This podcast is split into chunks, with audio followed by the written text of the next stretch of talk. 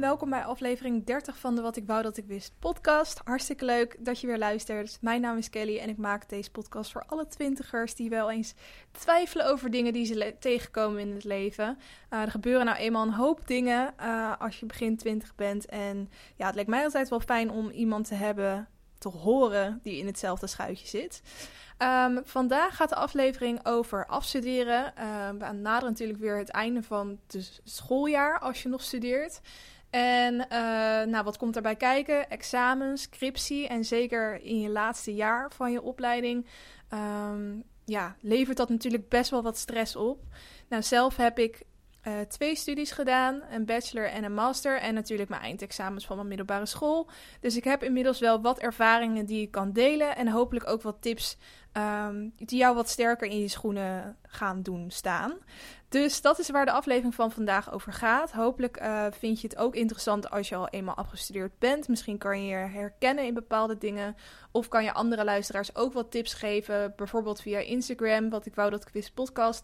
Daar kan je me vinden en dan kan je andere mensen misschien ook wat tips geven door uh, te reageren op de post daar. Um, maar voordat ik duik in dit enorme onderwerp, ga ik natuurlijk eerst even op een luchtige manier de week met je doornemen. Uh, en het nieuws bespreken wat ik allemaal voorbij heb zien komen. Nou, het eerste wat ik zag deze week was dat. Uh, nou ja, zoals je waarschijnlijk weet, wordt het nieuwe seizoen van Temptation Island, Temptation Island Vips, nu opgenomen. Um, misschien is het eigenlijk al klaar. In ieder geval, ik dacht zelf dat het een aantal weken geleden werd opgenomen. Uh, omdat ik Kai Gorgels volg op Instagram en hij is presentator van het seizoen. En toen zat hij dus volop in opnames en volgens mij maakt hij nu weer gewoon stories dat hij thuis is. Dus hoe het precies zit met de opnames weet ik niet. Maar in ieder geval is er nu pas naar buiten gekomen dat een van de koppels die meedeed aan Temptation Island uh, die waren overigens nog helemaal niet bevestigd door Temptation Island zelf. Maar een van die koppels was dus Channa en Quinten van Ex on the Beach. Ik heb zelf Ex on the Beach niet gezien, dus ik hoop dat ik überhaupt hun namen goed uitspreek, want ik ken ze dus helemaal niet. Maar ik weet dat heel veel mensen dat wel kijken. In ieder geval, zij uh, zouden dus meedoen. Zij deden mee. Uh, ze waren er al, de opnames waren al bezig. Maar toen kwamen zij erachter, of in ieder geval kwam de organisatie van het programma erachter, dat Channa zwanger is. En um, je mag dus blijkbaar niet meedoen aan Temptation Island Vips als je zwanger bent. Ik las zelfs ergens ook dat je niet mee mag doen als je kinderen hebt. Nou, ik denk dat dat... Ja, ik weet niet. Misschien is de reden dat ze het... Um, ja, voor het, voor het imago niet willen doen. Uh, dat ze die kinderen een beetje in bescherming willen nemen tegenover hun ouders. Want ja, er kan natuurlijk wel wat aardige, heftige dingen gebeuren op televisie. Ik weet niet precies wat de reden erachter is, maar ik kan het ook wel weer begrijpen dat ze zoiets hebben van, uh, ja, liever niet. En zeker, ze, nou ja, zoals het nu blijkt, lijkt het erop dat zij het ook echt achter hebben gehouden. En dat de organisatie er dus op het moment van opnames pas achter was gekomen. En dat is natuurlijk ook wel een beetje sneaky. Um, ze worden er dus in ieder geval uitgegooid. Dus ik ben heel erg benieuwd wat dat dan doet voor de opnames. Of ze dat koppel er gewoon helemaal uitschrijven. Of dat we alsnog te zien krijgen dat zij op een gegeven moment zeggen um, van we moeten stoppen, want ik ben zwanger. Um, I don't know. Dus uh, ja, we gaan dat zien. Ik ben heel benieuwd. Misschien wordt er wel een nieuw koppel bijgehaald en wordt hij er alsnog op een of andere manier ingeschreven. Ik ben benieuwd. Um, sowieso nu al meer drama dan bij het vorige seizoen van Temptation Island. Al moet ik zeggen dat ik daar ook ik bedoel daarmee het, het seizoen wat nu bezig is, dat hele saaie seizoen. Daar is nu heel veel drama over.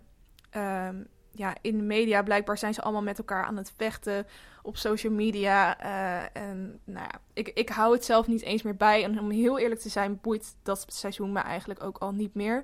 Al heb ik nu wel zoiets van, ik moet het nu ook maar afkijken, want ik ben nu zo ver gekomen.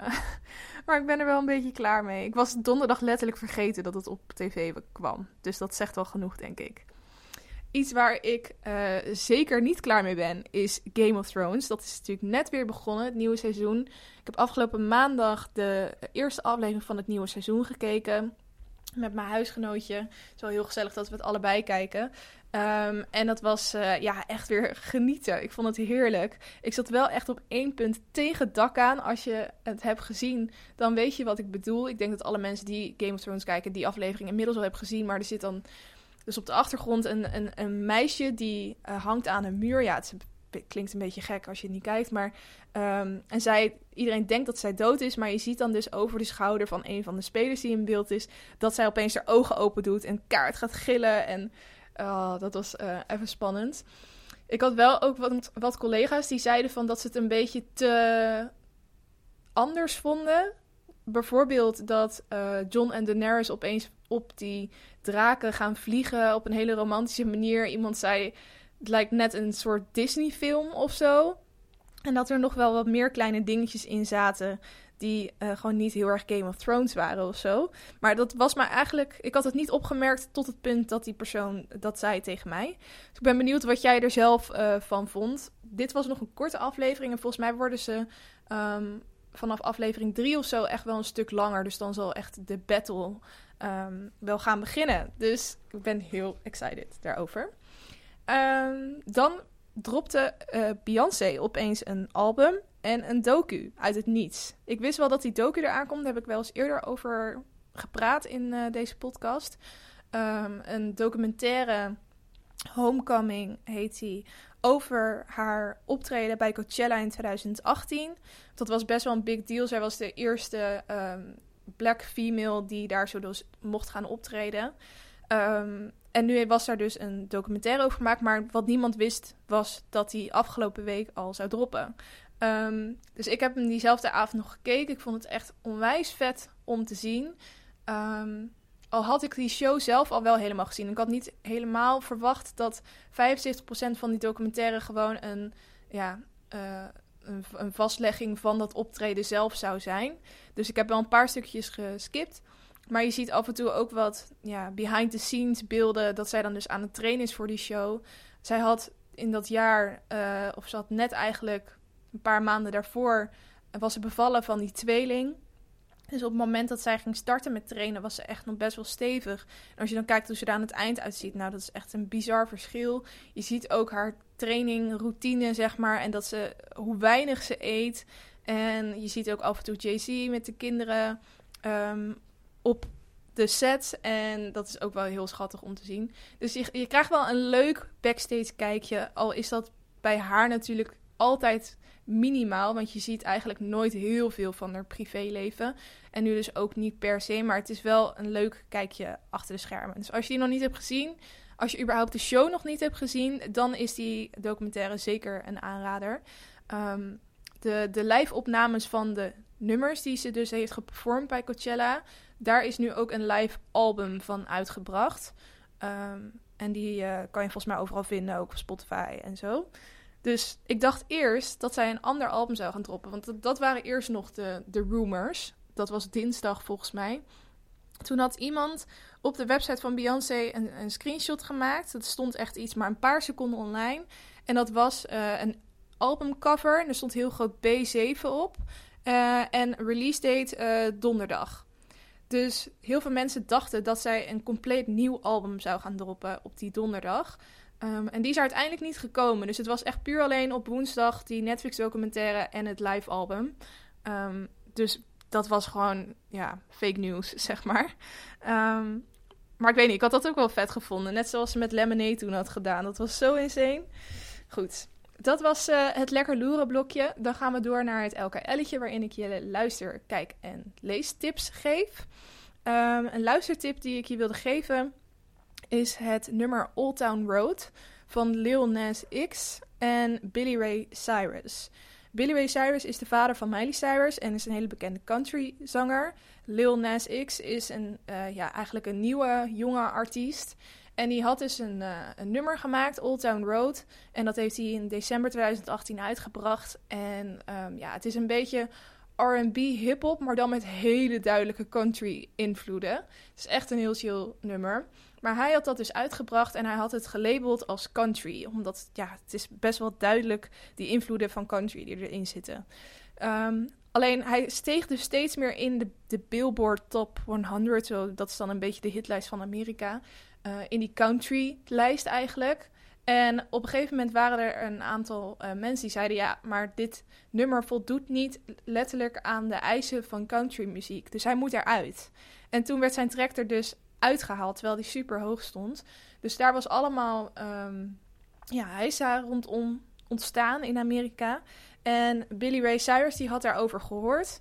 En die, die vond het ook allemaal onzin. Die had het nummer geluisterd en die dacht: dit is gewoon country, what the fuck. Um, en toen is hij hem dus gaan helpen. Dus Billy Ray Cyrus die heeft een aantal regels ingezongen op dat nummer, Old Town Road. En daardoor is het nu dus blijkbaar wel country, volgens mij. En kan het wel die lijst inkomen. In ieder geval, het was echt puur bedoeld om die jongen steun te geven. Um, en ik, ik hoor hem nu ook af en toe op de radio voorbij komen. Dus het is echt best wel nice. En ook het hele verhaal erachter vond ik wel leuk om uh, even te vertellen. Dus ga dat nummer zeker luisteren. Zet hem in je Spotify-lijsten, want hij is echt uh, heel lekker. Um, dan iets wat ik heb gekeken. Ik heb gisteravond een nieuwe Netflix-film gekeken. Die was ook gisteren uitgekomen, volgens mij. Die heet Someone Great. En er zitten best wel veel bekende actrices in. Het gaat eigenlijk over voornamelijk drie meiden. En één uh, gekke avond die zij meemaken. De hoofdpersoon, um, dat is een meisje die. Ze wonen alle drie in New York. En de hoofdpersoon heeft al negen jaar een relatie met haar vriend. Alleen dan gaat het dus opeens uit. Omdat zij heel graag voor de droombaan wil gaan verhuizen naar de andere kant van het land. Um, en hij wil dat niet. En eigenlijk ging het al langere tijd niet goed in die relatie. Dus het gaat uit. En dan heeft zij zoiets van: ik wil gewoon nog één avond helemaal gek gaan met mijn vriendinnen. Dus die andere twee meiden. Um, en dan gaan ze dus met z'n drieën en, ja, gaan ze stappen en een hele gekke avond beleven. Ja, ik hou op zich wel van dat soort films, maar ik vond het wel erg oppervlakkig. En ook um, dan gaan ze hun, hun, dealer bezoeken en dan maken ze weer wat geks mee. En dan gaan ze dat bezoeken en dan maken ze weer wat geks mee. Het is wel een beetje voor de hand liggend. En ook, het is niet heel erg realistisch als je kijkt wat ze allemaal drinken, uh, wat ze, ze nemen ecstasy, ze uh, nemen wiet, echt alles door elkaar. Ik zweer je, als een normaal persoon dat doet, dan zou die echt al lang aan het kotsen zijn aan de zijkant um, van de stoep. En zij niet. Zij gaan er helemaal los op. Dus ik vind het wat dat betreft ook niet echt een hele goede invloed. het, uh, misschien ben ik, is dat dan de saaie kant van mij, maar niet echt educatief wat dat betreft. En ik weet zeker dat ontzettend veel jongeren het gisteren hebben gekeken. En die denken dan gewoon dat ze dat ook moeten gaan doen, dat dat vet is of zo. Ja, ik weet niet, daar ergerde ik me een heel klein beetje aan. Um, dus ik, ik weet niet. Het is gewoon een lekker wegkijkfilmpje als je daarnaar op zoek bent. Eh, maar verwacht er vooral niet te veel van. Dat is het, uh, het belangrijkste. Uh, en tot slot een leestip. Dat is Zoomen tot ik zwicht van Helen Huang, als ik het goed zeg. Uh, dat boek heb ik vorige week aangekondigd als boek nummer 2 van de Boekenclub. Je kan nog steeds meedoen. Um, er staat een post op mijn Instagram. Als je daaronder reageert, dan weet ik dat je meedoet. En ik heb zelf het boek nog niet binnen. Want ik zat dit eens uit te rekenen. Als ik, elk, als ik dit jaar elke maand een nieuw boek aanschaf, dan kost het me best wel wat geld. Dus ik heb me heel verantwoordelijk aangesloten bij de Biep. Ik denk dat ik sinds mijn tiende, sinds mijn twaalfde, niet eens meer een, een bibliotheekpas heb. Maar ik ga me toch maar eens aansluiten, want ik zag dat ze het boek daar hadden. En dat scheelt toch weer uh, wat geld. En als je onder de 25 bent, uh, nee, tot en met je 25ste, kan je nog een bepaalde korting krijgen. Dus volgens mij voldoe ik nog net aan die eis. Dus dit was het perfecte moment om uh, zo'n bibliotheekpas aan te schaffen. Um, maar ik ben heel benieuwd naar het boek. Als je precies wil weten waar het boek over gaat, dat staat ook onder die Instagram-post. Lijkt mij heel leuk als je meedoet, dus laat me dat zeker even weten. Goed, dan gaan we naar het hoofdonderwerp van deze week. En um, dit was eigenlijk een verzoek van uh, een aantal van jullie. Ik kreeg wat uh, berichtjes van mensen die gewoon heel erg op zoek naar waren naar. Of die bijvoorbeeld bij mijn podcast waren gekomen omdat ze op zoek waren naar tips over afstuderen. Nou, ik heb wel een aflevering gedaan over post-afstuderen, post-afstuderen. Ik weet niet precies hoe je het in het Nederlands moet zeggen. Maar um, dus eigenlijk de stress die erbij komt kijken als die deadline eraan komt dat je afgestudeerd bent. Wat moet je dan in godsnaam met je leven gaan doen? Hoe kom je erachter wat je passie tussen aanhalings, aanhalingstekens is? Um, dus dat is een hele handige aflevering om daarvoor te luisteren. Maar ik heb het eigenlijk nog niet zo vaak gehad over wat daarvoor komt. Dus echt in die laatste maanden voor je afstuderen, dat je examens moet gaan doen. Um, dat je je scriptie moet gaan schrijven en alle stress die daarbij komt kijken. Daar specifiek heb ik het nog niet over gehad, terwijl ik daar misschien wel wat ervaringen en tips over kan delen. Um, ik probeer dit zo breed mogelijk te houden. Dus als ik het heb over examens, dan kan het dus ook gaan over tentamens. Het kan gaan over je uh, middelbare schoolexamens. Het kan ook gaan over ehm, je HBO-examens of je universiteitsexamens. Uh, ik hoop dat het gewoon toepasbaar is voor iedereen. Um, nou, wat ik al zei, ik heb dus uh, VWO-diploma's gedaan en ik heb een bachelor en een master diploma gehaald. Dus daarvoor heb ik allemaal. Dus ik heb in totaal twee scripties geschreven en dus drie keer moeten afstuderen, om, om het zo maar even te noemen. Um, en ik ben ook online eventjes gaan zoeken naar wat tips, dingen die daarbij kunnen helpen. Uh, en die uh, ga ik gewoon eventjes met je doornemen. Ik begin met examens. Wat voor, uh, hoe bereid je je nou voor op examens? Um, ik denk dat het belangrijk is om in je hoofd te houden dat eigenlijk een examen, dat woord klinkt echt super eng. Maar het is in principe niet heel veel meer dan een tentamen. En in mijn beleving is het in heel veel gevallen ook zo geweest dat het tentamen eigenlijk nog veel moeilijker was. Volgens mij was het op de middelbare school essays. Um, dat dat nog veel moeilijker was dan je examens. Dus eigenlijk word je gedurende je, je schooltijd, je, je middelbare, middelbare schooltijd of HBO-tijd of wat dan ook, al heel erg voorbereid op dat punt van je examens. Dus het is belangrijk om ook gewoon een beetje te vertrouwen te hebben in jezelf en de stress niet te hoog op te bouwen. Maar er zijn natuurlijk wel wat dingen die je kan doen om je gewoon zo goed mogelijk voor te bereiden alsnog. Ten eerste is het altijd super handig om wat oude examens te gaan oefenen. Vaak zijn die wel uh, aanwezig of kan je die krijgen via andere studenten. Um, of uh, levert je leraar of docent die aan. En dan heb je in ieder geval een beetje een idee van hoe een examen of tentamen of wat dan ook in elkaar zit en wat je kan verwachten. Dat vind ik altijd wel heel fijn, want je kan heel veel kennis gaan stampen, maar als je niet weet hoe een bepaalde vraag gesteld gaat worden, dan is het best wel lastig om in te schatten hoe je daar dan ook het best voor kan leren. Dus dat is iets wat heel fijn is. Um, ik denk dat in deze huidige tijd het ook ideaal is dat YouTube bestaat. In mijn tijd, toen ik nog echt bijvoorbeeld voor eindexamens aan het studeren was, toen was YouTube echt nog niet zo groot en kon ik over alles wat in mijn schoolboeken stond nauwelijks iets vinden op YouTube. Terwijl als ik nu iets nieuws wil leren, dan is dat de eerste plek waar ik naartoe ga. Ik ga niet een boek aanschaffen wat mij vertelt hoe iets werkt. Ik ga gewoon naar YouTube en ik typ in wat ik wil weten. En ik krijg minstens 10 video's over dat onderwerp. Um, dus eigenlijk over elk onderwerp waar je over wil leren, bestaat wel een ideale YouTube tutorial of YouTube kennisvideo waarin het ook nog eens vet geanimeerd is, waar je ook nog een interessante voice-over hebt in plaats van de stem van je docent bijvoorbeeld. Um, dus op die manier kan je ook nieuwe manieren vinden om jezelf kennis aan te leren. Um, en dat is iets waar ik best wel jaloers op ben, dat dat, dat dat er nu wel is en toen niet. Dus gebruik daar, ja, maak daar alsjeblieft gewoon gebruik van. Um, natuurlijk ook Google en Wikipedia. Als je begrippen gewoon wilt weten, um, dan kan je die daar ook heel makkelijk over googlen. Ze staan ook in je boeken, maar soms is het ook fijn om ja, een andere definitie te leren of kijken hoe andere mensen het omschrijven. Um, zodat je gewoon wat meer begrip krijgt van het begrip, om zo maar te zeggen. Um, dus pak die bronnen ook gewoon lekker mee. Nou, als dan eenmaal het punt komt dat uh, ja, de examens komen steeds dichterbij. En je ziet eigenlijk staan dat je maandag dit, dinsdag dat, woensdag dat eigenlijk gewoon heel je week al volgepland zit met die examens. Uh, dan kan ik me voorstellen dat je best wel wat stress opbouwt in je hoofd. Van hoe ga ik in godsnaam tijd vinden om te leren. Want het is natuurlijk niet zo dat als examen 1 is afgelopen, dat je dan pas gaat beginnen met leren voor examen 2. Het kan, mensen doen het, maar het is, lijkt mij in ieder geval niet de handigste methode.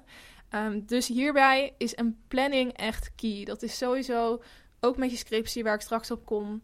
Uh, maar is vooral ook met je examens is super belangrijk om gewoon een planning te hebben. Um, want dat geeft jezelf ook rust in je hoofd. Als jij alleen maar zit te denken terwijl je voor vak 1 aan het studeren bent.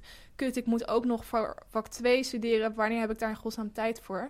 Dan kan je niet eens meer concentreren op vak 1. Dus het allerbelangrijkste is voordat je überhaupt begint met leren, om een planning te maken. En dat kan zo gedetailleerd zijn als wat jij zelf wil.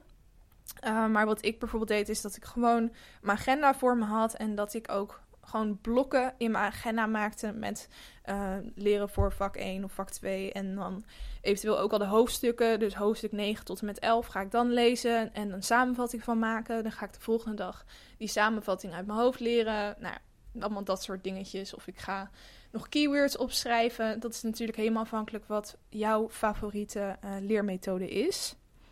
Dus um, ik zelf vond het dus altijd heel erg fijn om bijvoorbeeld samenvattingen te maken en daarna met markeerstiften de belangrijkste woorden uh, te gaan strepen.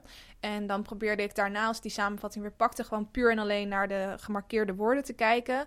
En bij mezelf te checken of ik het op die manier al kon onthouden. Dus op zo'n manier uh, informatie in mijn hoofd stampen. Um, als je niet genoeg tijd hebt om samenvattingen te maken, dan zijn er vast wel klasgenoten uh, of online samenvattingen te vinden van hetgene waar je een samenvatting van moet hebben. Uh, het nadeel daarvan vind ik wel dat als je niet de originele tekst hebt gelezen en je le leert alleen de samenvatting, eigenlijk is het maken van de samenvatting al een manier om te leren. Dus je staat die stap eigenlijk over. Dus de kans is groter dat het blijft hangen als je zelf de samenvatting hebt gemaakt. Maar dat is iets wat je waarschijnlijk al weet. Um, maar is ook niet iets wat ik altijd heb gedaan hoor. Maar ik merk wel dat als ik dat maakte, um, dat het dan gewoon beter bleef hangen. Hetzelfde met speakbriefjes maken. Dan had je een heel speakbriefje gemaakt en dat had je dan op een sneaky manier verstopt ergens. En uiteindelijk had je die helemaal niet nodig, omdat tijdens het maken van je, je speakbriefje je eigenlijk al, al die kennis had opgezogen. Um, dus dat toont het ook al aan. Als je, als je iets opschrijft of samenvat in je hoofd, dan ben je het eigenlijk voor jezelf concreet aan het maken. Uh, op zo'n manier dat het al heel goed in je hoofd blijft hangen. En een manier om dat te checken, of dat dan ook echt goed in je hoofd zit, is om bijvoorbeeld iemand anders examenstof uit te gaan leggen. Um, dus je, je kan dan gewoon ook gewoon zelf voor diegene een lijstje maken van, joh, vraag me eens naar dit, dit en dit. Um, en dan ga ik jou proberen uit te leggen hoe dat werkt. En um, of die persoon het nou snapt of niet, dat maakt in principe niet uit. Het is natuurlijk nog handiger als diegene dan ook weer vragen verder kan stellen.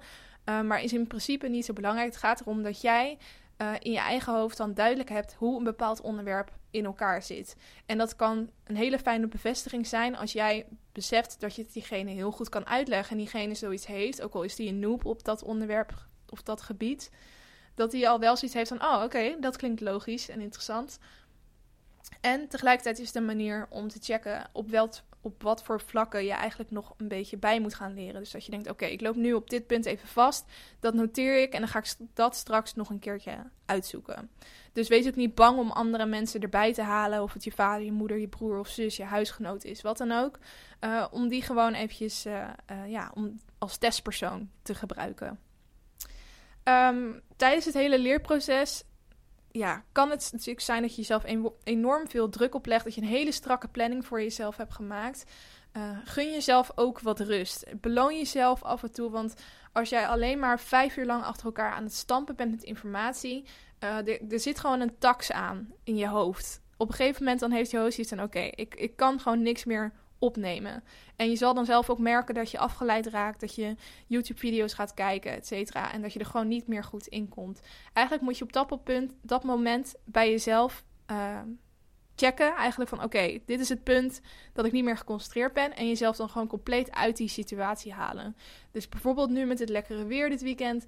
Um, je bent volop aan het studeren en je merkt gewoon dat je concentratie weg is. Gun je jezelf dan ook even een momentje om bijvoorbeeld een ijsje te gaan halen. Uh, eventueel met een vriendinnetje gewoon eventjes een half uurtje of drie kwartier eruit te zijn.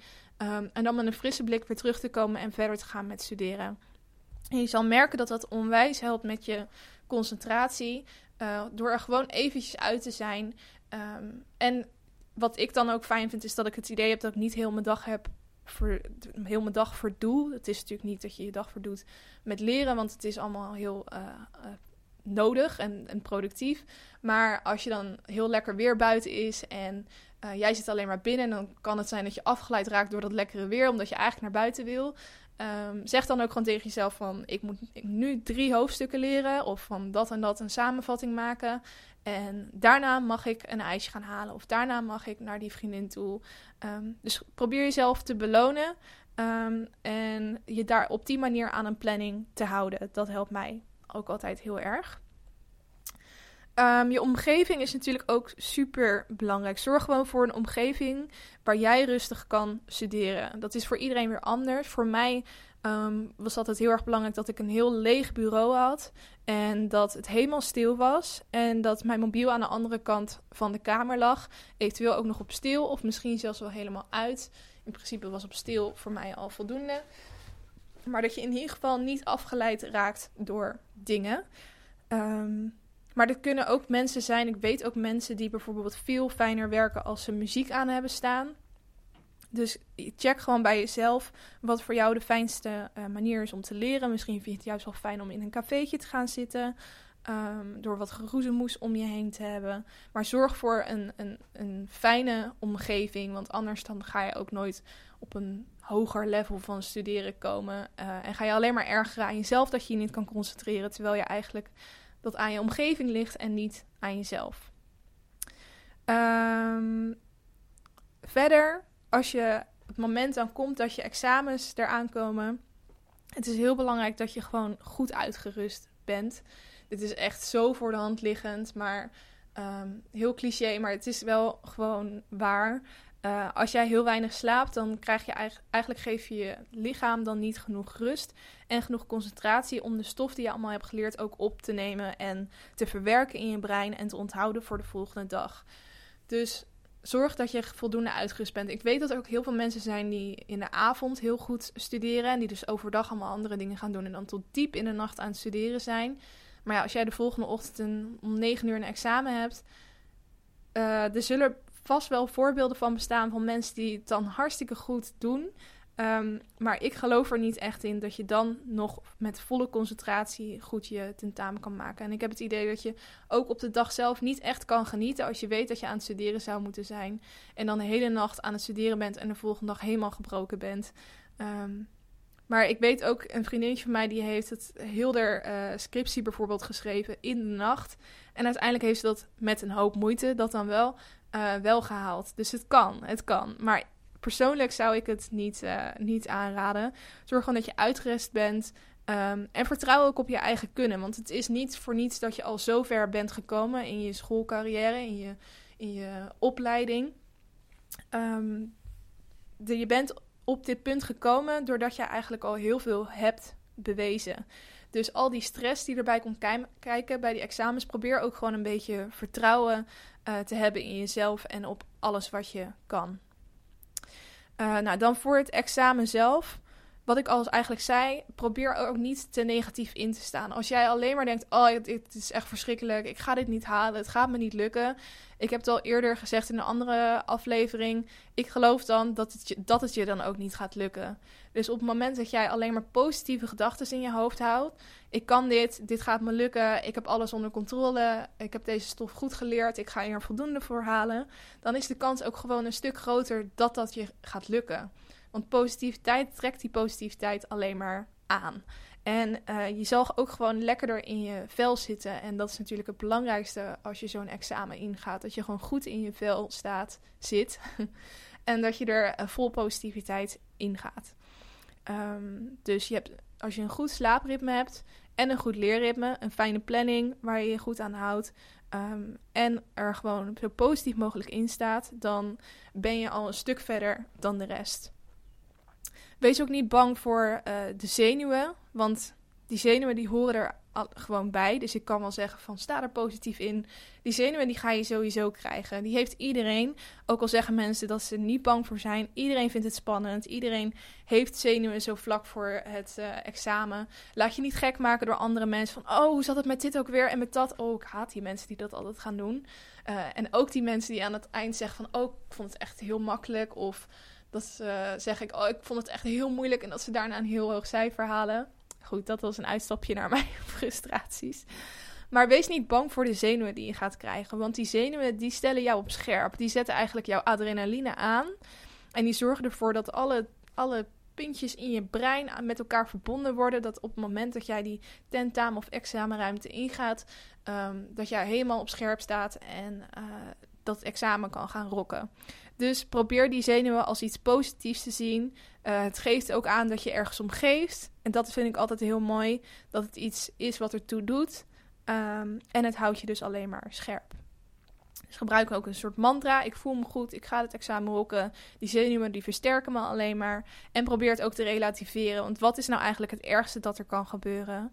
Ehm, ja, je kan falen voor dit examen. Maar dat betekent niet dat je geen tweede kans meer hebt. Je hebt nog steeds allemaal fantastische dingen in je leven. Een fantastisch huis, ouders, vrienden. Ik weet het niet, noem het maar op. En probeer dat ook gewoon in je, in je hoofd te houden. En dat dit eigenlijk maar zo'n klein deel is van je leven. Ehm, en dat, daar, dat op dit moment geldt dat, is het heel belangrijk. Maar in het grotere span van het leven is het maar een heel klein onderdeel. Ehm, dus maak het ook niet veel groter in je hoofd dan dat het is. Goed, dat eventjes over uh, examens. En dan over je scriptie schrijven. Ehm, dat is wel even een, een, groot ding. Uh, ik denk dat iedereen die studeert daar best wel tegenop ziet. Um, omdat het, het, ja, je hoort altijd heel veel mensen hierover zeiken. Of mensen van die dramaverhalen van mensen die al jaren uh, over hun scriptie doen en het maar niet afkrijgen. Um, en uh, daarom leek het me ook wel goed om dit hierin mee te nemen. Uh, zoals ik al zei, ik heb dus twee scripties geschreven. één voor mijn bachelor en één voor mijn master. Dus ik ga je gewoon wat tips geven uit eigen ervaring. Ook wat dingen die ik online heb uh, gevonden. Um, ik denk dat het belangrijkste is bij het schrijven van je scriptie. Uh, kies een onderwerp waar je zelf in geïnteresseerd bent. Wat echt het liefst, wat ook nog jouw je passie of je hobby of iets ermee te maken heeft. Maar kies gewoon een onderwerp uit wat heel dicht bij jouw hart ligt. Um, want dat gaat het zoveel makkelijker maken uh, om over te schrijven. Als ik over een geschiedenisonderwerp iets had moeten schrijven, nou, dan, had je, dan was ik nu nog steeds niet klaar geweest met mijn scriptie. Terwijl ik nu allebei gewoon binnen de afgesproken tijd heb kunnen doen. Zonder uitlopen, daar ben ik heel trots op. En dat komt echt omdat ik onderwerpen had gekozen die ik zelf interessant vond. Um, en ik had die onderwerpen ook zo klein mogelijk gehouden. Want dat is echt een gevaar bij het, on, het bedenken van een onderwerp van je scriptie. Is dat je heel breed gaat denken. En dan hoe breder je je onderwerp maakt, hoe moeilijker het wordt om datgene te onderzoeken. En om de, de probleemstelling, de onderzoeksvraag die je hebt, te beantwoorden. Dus ja, begin groot. Uh, Oké, ik wil dit ongeveer weten, maar ga het dan steeds specifieker maken. Kies bijvoorbeeld één case uit die hetgene wat jij wil gaan bewijzen, uh, die je daarvoor kan gebruiken. En schrijf daar je onderzoeksvraag bijvoorbeeld omheen. Of maak een, uh, een word cloud met onderwerpen die jij interessant vindt. En wat voor problemen daar omheen bestaan bijvoorbeeld. Dat zijn manieren om iets tofs te vinden waar je over kan gaan schrijven. Um, ik zal ook vertellen wat ik heb gedaan. Ik had media en cultuur gestudeerd en daarvoor had ik een scriptie geschreven uh, over uh, gender en seksualiteit in de serie Orange is the New Black. Ik was toen echt helemaal verslaafd aan die serie Orange is the New Black. En ik merkte dat er best wel veel um, personages in zitten die voor mij heel vernieuwend waren. Die ik nog helemaal niet in andere series was tegengekomen. En die op een hele andere manier omgingen met, met gender en seksualiteit. En mijn studie mediacultuur ging heel erg over beeldvorming in de media. Dus daarom uh, had ik dit onderwerp gekozen. En dat was super tof, want ik kon ik heb toen twee seizoenen, volgens mij misschien wel meer uh, afleveringen van. Of, ik wou, ik wou Game of Thrones zeggen. Van Orange is the New Black gekeken. En die helemaal uitgeschreven en geanalyseerd. En het was echt super tof om te doen. En natuurlijk. Uh, daaromheen zitten ook weer allemaal processen die een stuk minder leuk zijn, waar ik wel echt wel even doorheen heb moeten slagen, slaan. Um, ik kan niet meer praten. maar um, als je al een onderwerp hebt wat je interessant vindt, dan gaat dat gewoon echt veel makkelijker allemaal. Het andere wat ik had gedaan was, um, dat was voor mijn studie journalistiek en nieuwe media, beeldvorming van online privacy in bijvoorbeeld kranten en Facebook discussies. Want ik merkte toen heel erg dat um, er kwam, kwamen toen onwijs veel nieuwsberichten naar buiten over uh, ja, je privacy, bijvoorbeeld op Facebook en hoe dat werd geschaad. Eigenlijk op alle platformen waar je persoonlijke informatie deelde, dat dat gewoon allemaal werd misbruikt. Maar tegelijkertijd merkte ik dat mijn generatie nog ontzettend veel aan het delen was online. En uh, ik snapte die, die verhouding niet helemaal. Want hoe kan je zeggen dat, dat je het zo erg vindt dat privacy wordt geschaad, maar ondertussen wel elk detail van je leven online delen? Dus dat bijvoorbeeld dat, dat was iets dat ik echt uit mijn eigen leven had gehaald. En waar ik gewoon mijn hele scriptie omheen had gebouwd.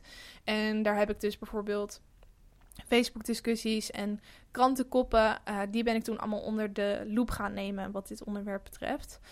Um, dus dat vond ik ook heel interessant. Dus wat ik zei, kies gewoon onderwerpen die jij interessant vindt. Um, ga bijvoorbeeld een half jaar voordat je je scriptie moet schrijven, uh, al bedenken van oké, ik, ik, kom dit soort dingen tegen, ik kom dit soort dingen tegen. Uh, maak gewoon alvast een lijstje van eventuele mogelijke onderwerpen. Um, en bied die dan gewoon aan bij je scriptiebegeleider of hij daar wat in ziet of, of je daar wat mee kan. Um, en zo kan je dan op iets komen wat uh, je heel leuk vindt. Dan um, de onderzoeksvraag. En eigenlijk is dat het allerbelangrijkste. Ja, eigenlijk is dat en je structuur het allerbelangrijkste van je scriptie. Um, want dat be bepaalt gewoon wat jij moet gaan bewijzen en hoe je dat gaat doen. Um, dus maak eigenlijk gewoon een. Je hebt je onderwerp. En dat onderwerp komt eigenlijk al voor, voort uit een probleem dat jij hebt gezien. Bijvoorbeeld in mijn geval was dat die gekke verhouding tussen mensen die heel veel delen online en mensen die het heel erg vinden dat hun informatie wordt misbruikt. Dus hoe omschrijf je dat in een onderzoeksvraag? Nou, je kan eventjes googlen op verschillende manieren waarop je je onderzoeksvraag kan opbouwen. En uh, dan wat verschillende opzetjes gaan maken van onderzoeksvragen. En probeer in je hoofd gewoon heel logisch na te denken. Uh, dit is de probleemstelling. Wat, wat wil ik nou eigenlijk weten? Wat wil ik nou eigenlijk gaan onderzoeken? En probeer hem op zo'n manier op te schrijven. En ga dan gewoon met je begeleider zitten. Want je begeleider is uiteindelijk degene die het moet gaan beoordelen. Dus bij dit punt, ook al heb je zoiets van: ik wil niet nodig hebben bij het schrijven van mijn hele scriptie. Ik doe het liever gewoon op eigen houtje. Dat kan. Um, maar op dit punt is het echt heel belangrijk dat je met hem zit of haar.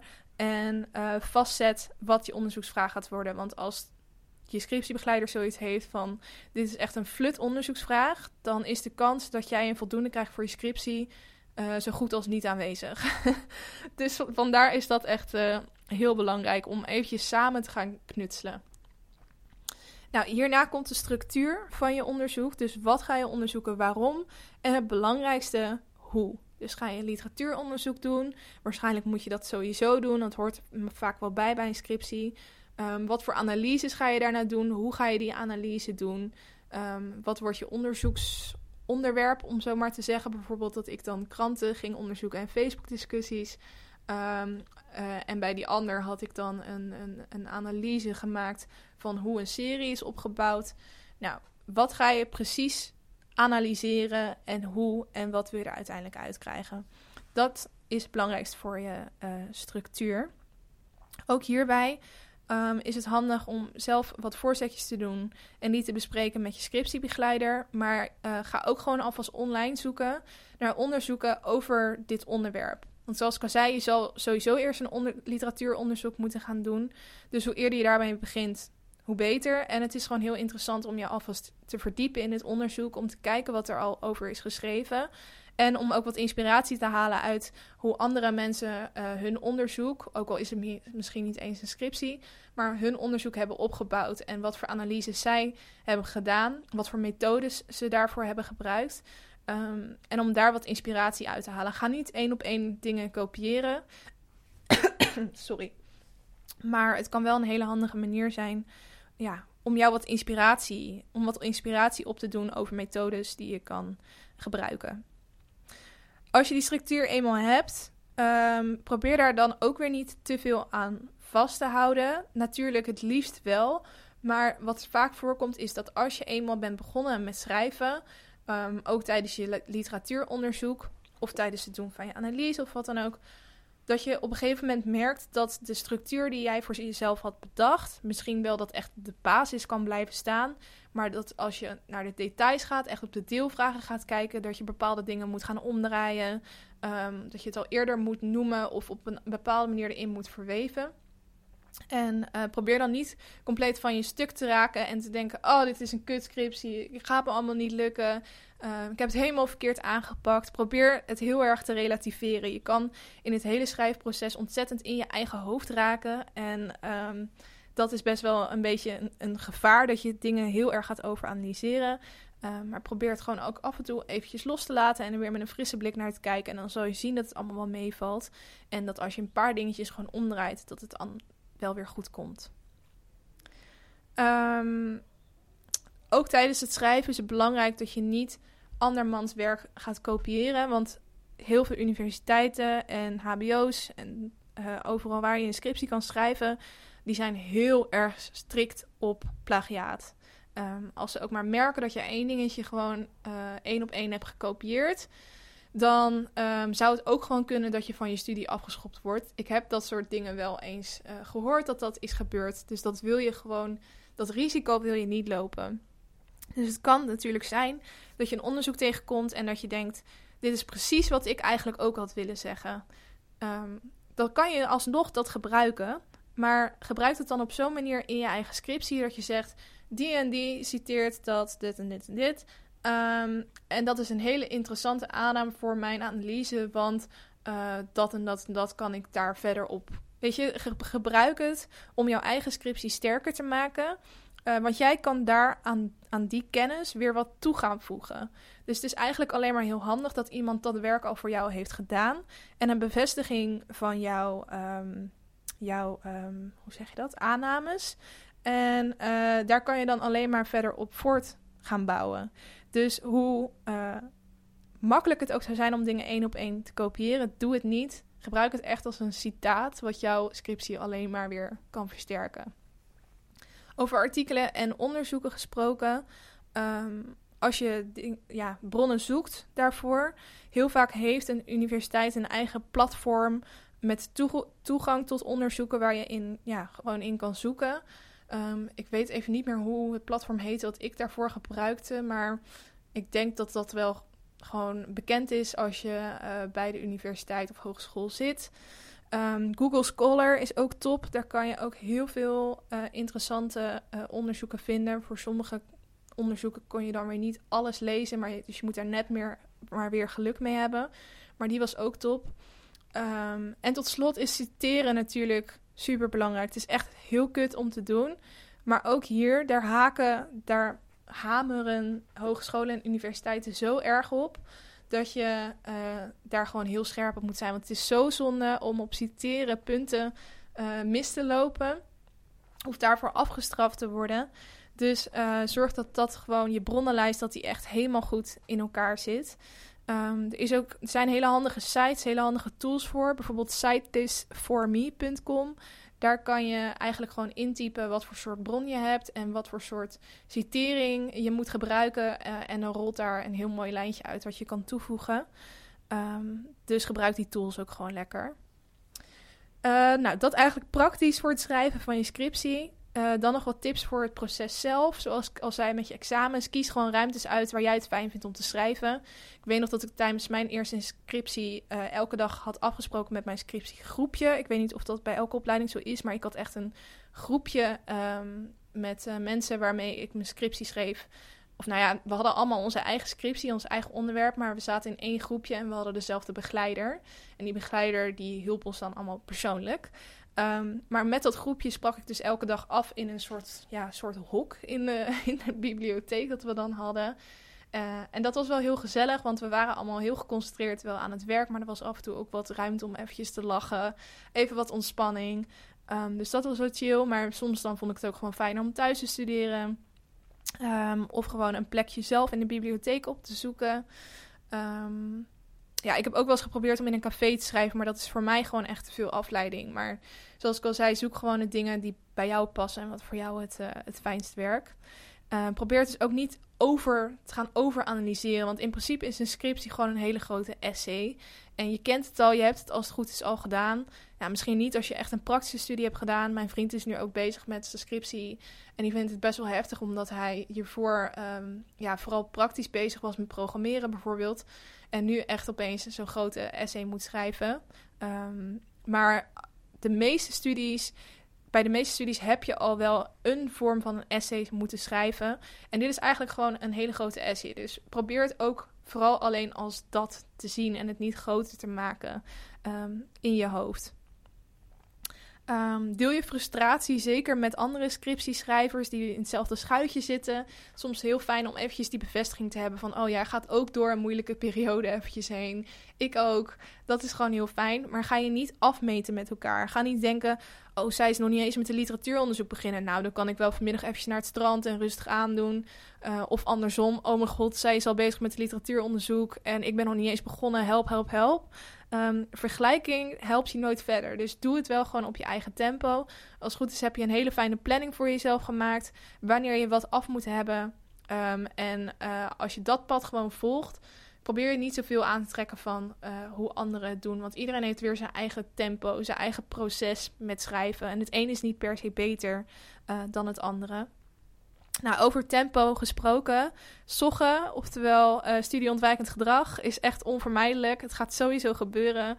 Het is gewoon onwijs lastig om jezelf elke dag te moeten motiveren. Want dat is het echt. Hè? Alles, al het andere wat je hebt moeten doen op je studie, um, waren gewoon deadlines en werd je gepusht in, in, een kleiner tijdsbestek. En nu moet je echt jezelf motiveren. Komt het echt op discipline aan. Um, en het, het is echt onmogelijk om elke dag jezelf te motiveren om aan een scriptie te werken. Uh, meerdere uren achter elkaar per dag eraan te zitten. Dus er komen ook gewoon momenten dat je eventjes helemaal klaar mee bent. Dat je YouTube-filmpjes gaat kijken. Um, dus zorg dat je ook voldoende tijd neemt voor je scriptie.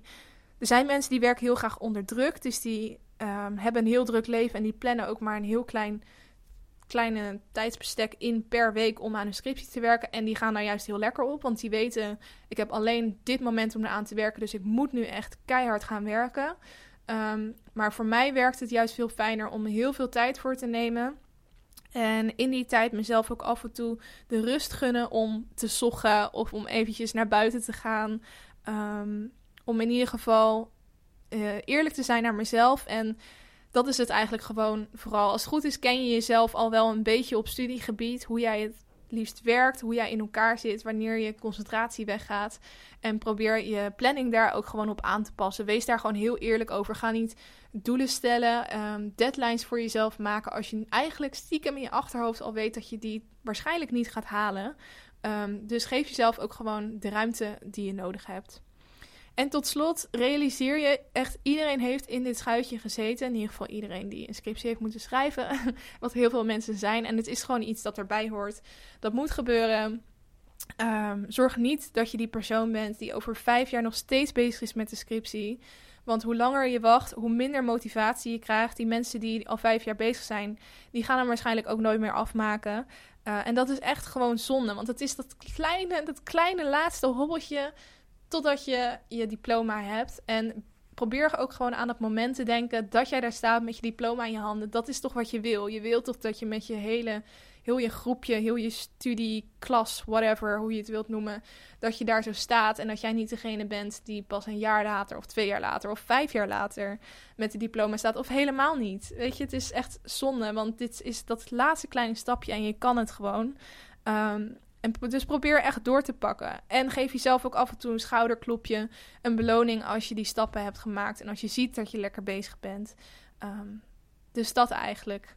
Ik hoop dat je hier wat aan, uh, aan, aan had.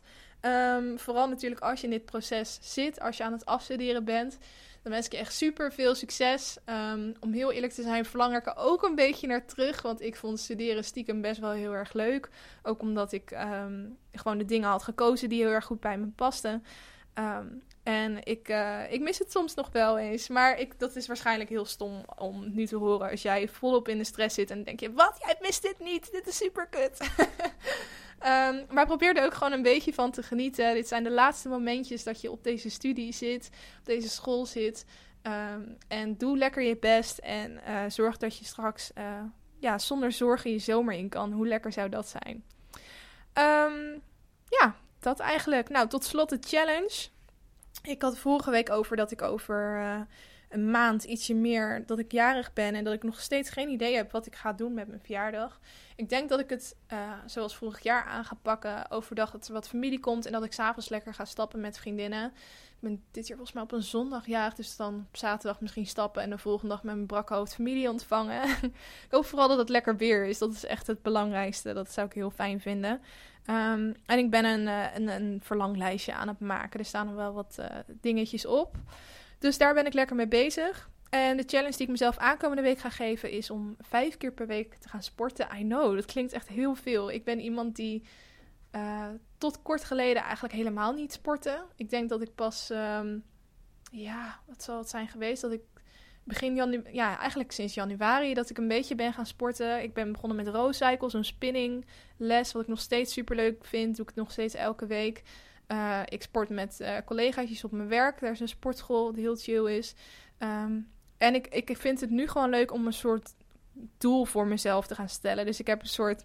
Ja, ik ga dus altijd heel erg lekker op dit soort dingen. Dus daarom doe ik het. Maar ik heb een 90-day challenge aan mezelf gegeven. Dat had ik weer ergens gezien bij iemand die dat deed. En die had al helemaal progressie geboekt. Toen dacht ik, ja, dat ga ik ook doen. Dus ik zit nu volgens mij op week 3 van die 90-day challenge. Um, en ik heb dan ook een foto gemaakt bij de start. En dan ga ik dan een foto maken bij maand 1 en bij 2 en bij 3. En hopelijk zie ik dan een fantastische verandering. Um, dus daarom ben ik... Ik heb afgelopen week dus al vijf keer gesport. En ik heb ook zo'n matje aangeschaft voor thuis. Zodat ik ook gewoon thuis kan sporten als ik geen zin heb om ergens naartoe te gaan. En ik vind het tot nu toe best wel leuk. En ik kan mezelf nog heel goed motiveren. Uh, dus wie weet uh, ben ik deze zomer Fit Girl Kelly. Misschien ook helemaal niet. Want... Uh, het is tenslotte ook Pasen en ik hou ook van chocolade-eitjes. En ik ga vanmiddag ook naar een, een terras en dan ga ik ook zeker niet aan het water zitten. Dus hè, misschien ook niet, maar ik vind het in ieder geval... Ik zit wel lekker in mijn vel door het sporten en dat uh, vind ik vooral heel belangrijk. Um, dus geef jezelf ook zeker weer een challenge deze week. Uh, het is altijd leuk om jezelf eventjes uit te dagen. Um, om eventjes een doel voor jezelf te stellen en te kijken of je dat in een week kan halen. Vind ik in ieder geval wel. Um, ja, en dat is het voor deze week. Hartstikke bedankt voor het luisteren. Ik wens je een fantastisch weekend toe in deze fantastische zon, waar ik heel erg blij mee ben. Um, ook al, alvast heel veel plezier op Koningsdag. Ik weet nog eventjes niet zo goed hoe ik het ga doen met uploaden volgende week. Want normaal upload ik op zaterdag en dan is het natuurlijk Koningsdag. Dus misschien wordt dat wat later. Maar daar hou ik je in ieder geval van op de hoogte op mijn Instagram. Dus daar kan je altijd updates vinden. Uh, ja, dat. Fijne week en doei doei!